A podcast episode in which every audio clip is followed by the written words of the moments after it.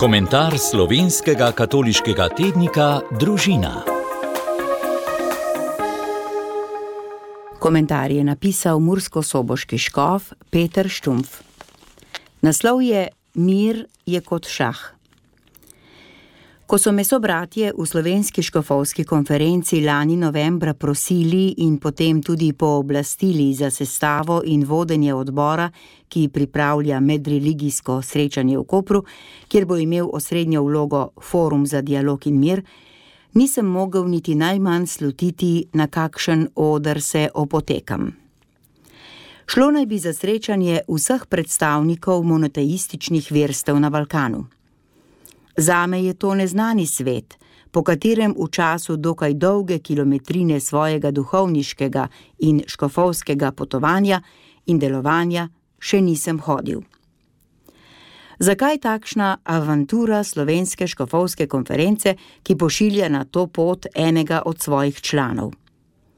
Je to za njo geopolitična aktivnost, ki poskuša v svojo korist hazardirati s krizo sedanjega trenutka?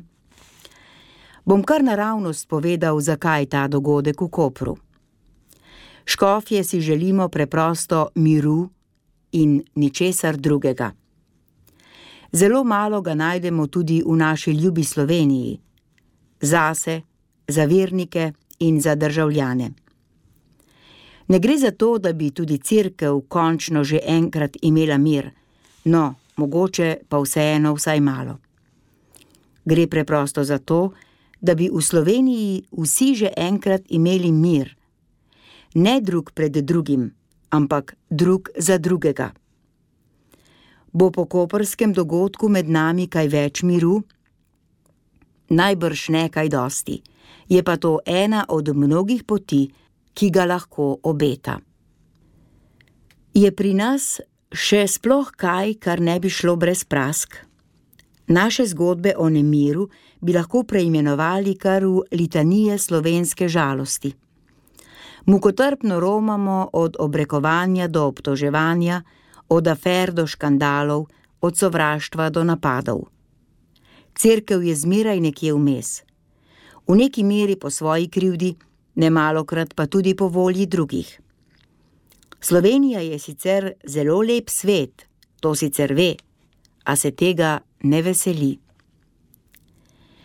Škofje smo se odločili, da pogledamo tudi malo čez slovenski ograd, recimo tja, kjer vreže stoletja, pa vendar še živijo, še upajo, še ustvarjajo in tudi še verujejo.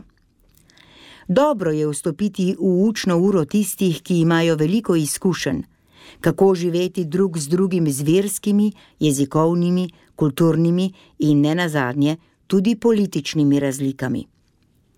Zato smo povabili v Koper verske voditelje iz balkanskih dežel, pa tudi veleposlanike iz teh dežel, ki so akreditirani pri nas. Malo bolje poznam nekaj tamkajšnjih katoliških škofov, ki bodo prišli, pa še enega protestantskega, drugih pa čisto nič, res prav nič. Kot odgovorni za dogodek sem se moral znajti, kot sem vedel in znal najprej k Nunciju, potem k koperskemu škofu in njegovi domači čudoviti ekipi, potem še k odličnim poznavalcem balkanskega prostora in verovanja, k vsestransko komunikacijskemu domačemu škofu, zauzetemu prijatelju mladih, k državnemu protokolu, svetovalcu predsednice Republike Slovenije, katoliškemu medijskemu strokovnjaku. Tokrat ni šlo z Goričkega v Piran, ampak kar iz sobote v Koper, vmes pa so bile še postaje v Ljubljani po raznih uradih. Komunikacija je bila intenzivna vsak dan, od lanskega novembra do zdaj. Tako se je zavrtelo delo, ki še kar ne poneha. Najprej v iskanju naslovov, pisanju vabil, zdaj pa še ažuriranju in informiranju.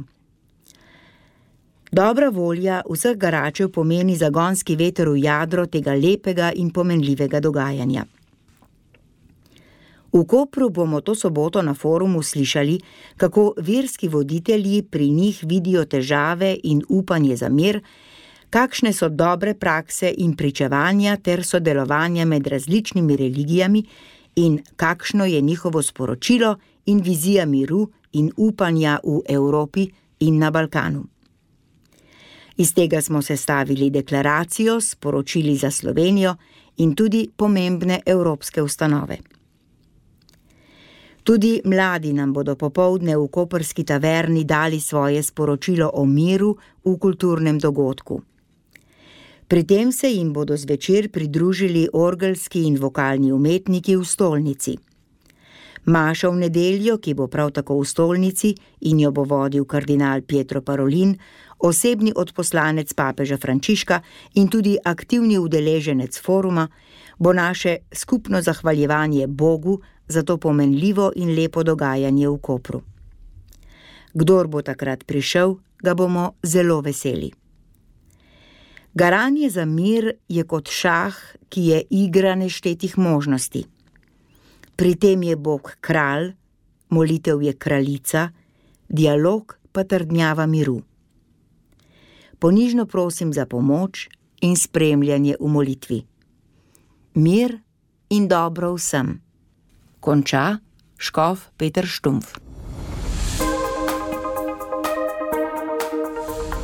Komentar slovenskega katoliškega tednika Družina.